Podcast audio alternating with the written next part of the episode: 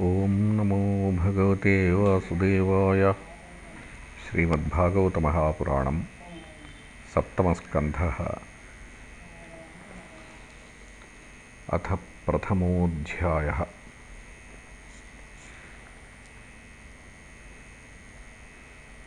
प्रह्लादचरितोपक्रमः।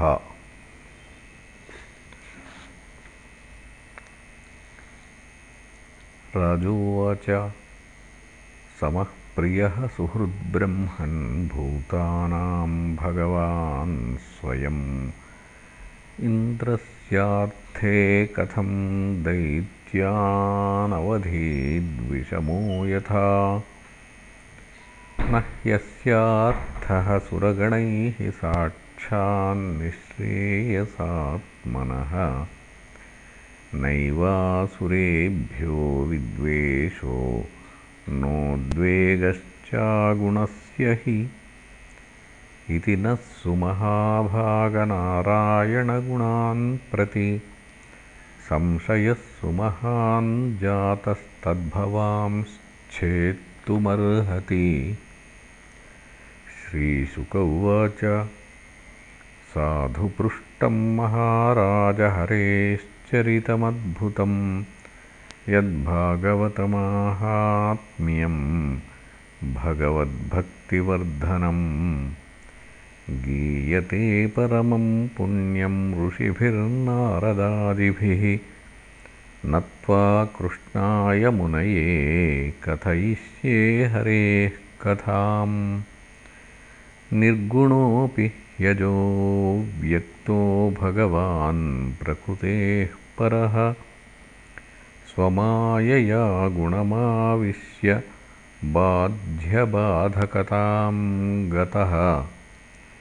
सत्त्वं रजस्तम इति प्रकृतेर्नात्मनो गुणाः। न तेषां युगपद्राजन् ह्रास उल्लास एव वा। जयकाले तु सत्त्वस्य देवर्षीन् रजसोऽसुरान् तमसो यक्षरक्षांसि तत्कालानुगुणो भजतु। ज्योतिरादिरिवाभाति सङ्घातान्न विविच्यते। विदन्त्यात्मानमात्मस्थं मथित्वा कवयोऽन्ततः यदा सिसृक्षुः पुरात्मनः परो रजसृजत्येष पृथक् स्वमायया। सत्त्वं विचित्रासुरिरंसुरीश्वरः शयिष्यमाणस्तमैरयत्यसौ। कालं चरन्तं सृजतीशाश्रयम् प्रधानपुंभ्यां नरदेवसत्यकृतु य एष राजन्नपि कालैषिता। सत्त्वं सुराणीकमिवैधयत्यतः। तत्प्रत्यनीकानसुरान् सुरप्रियो। रजस्तमस्कान्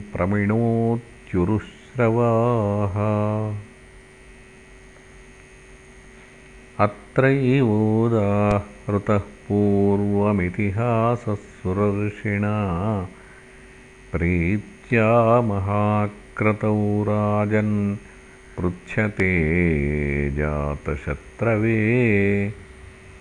दृष्ट्वा महाद्भुतं राजा राजसूये महाक्रतौ वासुदेवे भगवति। सायुज्यं चेदिभूभुजः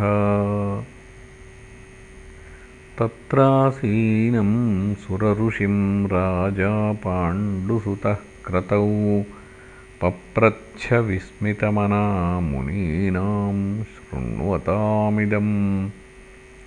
युधिष्ठिर उवाच अहो अत्यद्भुतं ह्येतद्दुर्लभैकान्तिनामपि वासुदेवे परे तत्त्वे प्राप्तिश्च चैद्यस्य विद्विषः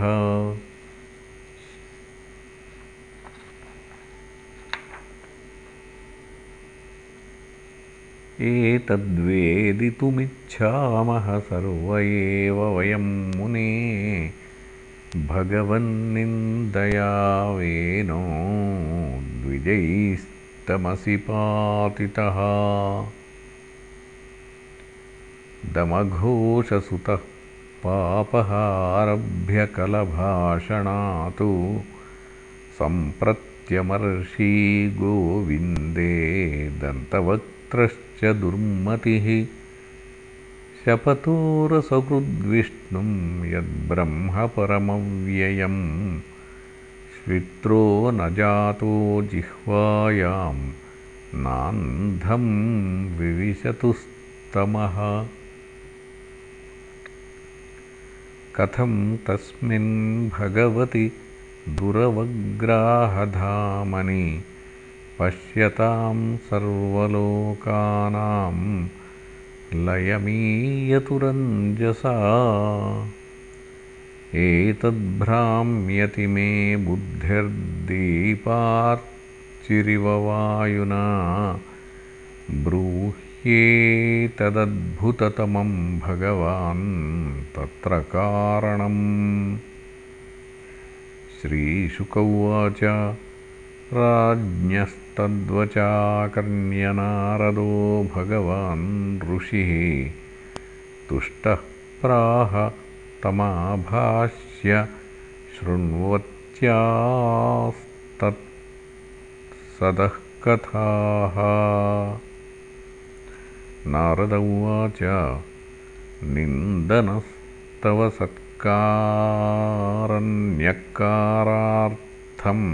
कळेबरम् प्रधानपरयो राजन्नविवेकेन कल्पितम्। हिंसा तदभिमानेन दण्डपारुष्ययोर्यथा।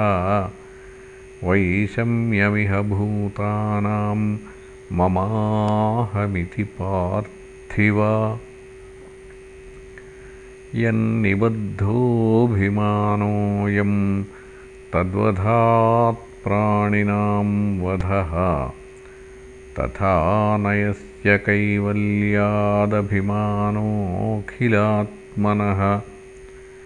परस्य दमकर्तुर्हि हिंसा केनास्य कल्प्यते तस्माद्वैरानुबन्धेन निर्वैरेण भयेन वा? स्नेहात् कामेन वा युञ्ज्यातु कथञ्चिन्नेक्षते पृथक्। यथा वैरानुबन्धेन मर्त्यस्तन्मयतामियातु न तथा भक्तियोगेन इति मे निश्चिता मतिः कीटः पेशस्कृतारुद्धः कुड्यायां तमनुस्मरन्। संरम्भभययोगेन विन्दते तत्सरूपताम्।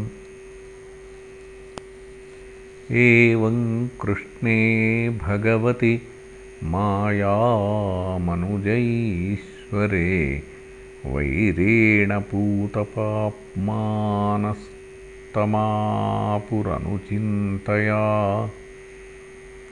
कामाद्वेषाद्भयात् स्नेहाद्यथा भक्त्येश्वरे मनः आवेश्य तदघं हित्वा बहवस् तद्गतिं गताः।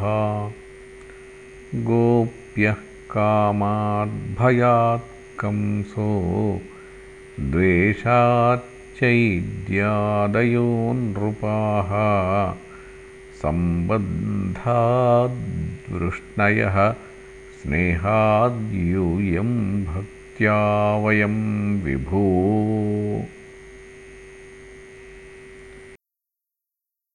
कथमोऽपि नवेन स्यात् पञ्चानां पुरुषं प्रति। तस्मात् केनाप्युपायेन मनः कृष्णे निवेशयेत्।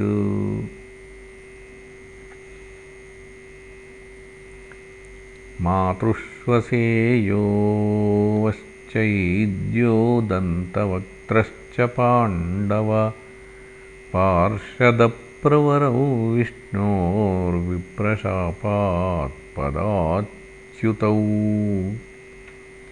युधिष्ठिर उवाच कीदृशः कस्य वा शापो? हरिदासाभिमर्शनः अश्रद्धेयैवा भाति हरेरेकान्तिनां भवः देहेन्द्रियासुहीनानां वैकुण्ठपुरवासिनां देहसम्बन्धसम्बद्धमेतदाख्यातुमर्हसि। नारद उवाच एकदा ब्रह्मणः पुत्राः विष्णोर्लोकं यदृच्छया सनन्दनादयो जग्मुश्चरन्तो भुवनत्रयम्। पञ्चषड्डायनार्भाभाः पूर्वेषामपि पूर्वजाः दिग्वाससः शिशून्मत्वा द्वाहस्थौ तान् प्रत्यषेधताम् अशपन् कुपिता एवं युवां वासं न चार्हतः। रजस्तमोभ्यां रहिते पादमूले मधुद्विषः। पापिष्ठामासुरीं योनिं बालिशौ यातमाश्वतः एवं शप्तौ स्वभवनात् पतन्तौ तैः कृपालुभिः प्रोक्तौ पुनर्जन्मभिर्वां त्रिभिर्लोकाय कल्पताम् जज्ञाते तौ दितेः पुत्रौ दैत्यदानववन्दितौ हिरण्यकशिपुर्ज्येष्ठो हिरण्याक्षोऽनुजस्ततः हतो हिरण्यकशिपुर्हरिणा सिंहरूपिणा।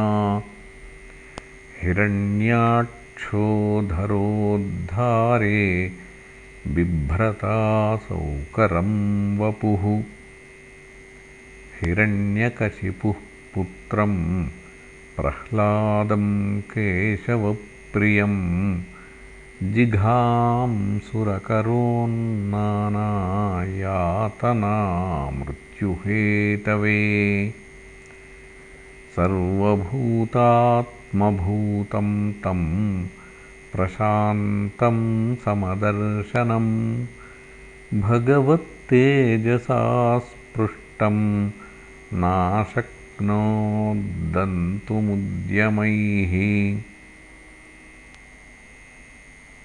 सर्वभूतात्मभूतं तं प्रशान्तं समदर्शनं भगवत्तेजसा स्पृष्टं नाशक्नोद्धन्तुमुद्यमैः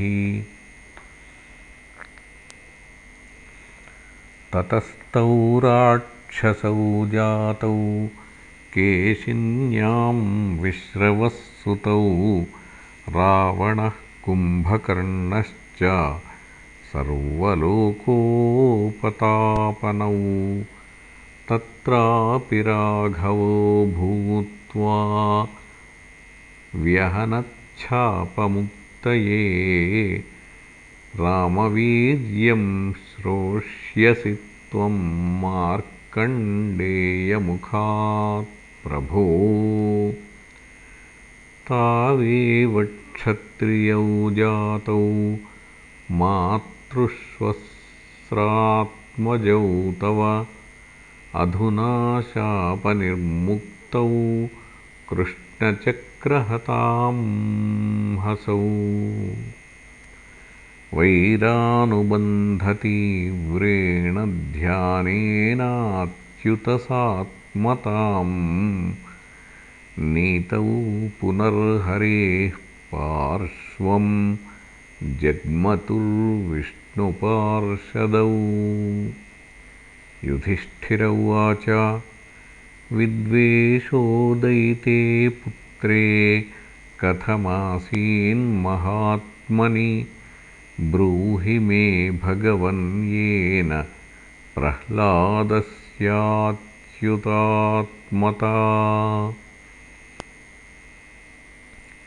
इति श्रीमद्भागवते महापुराणे पारमहंस्यां संहितायां सप्तमस्कन्धे प्रथमोऽध्यायः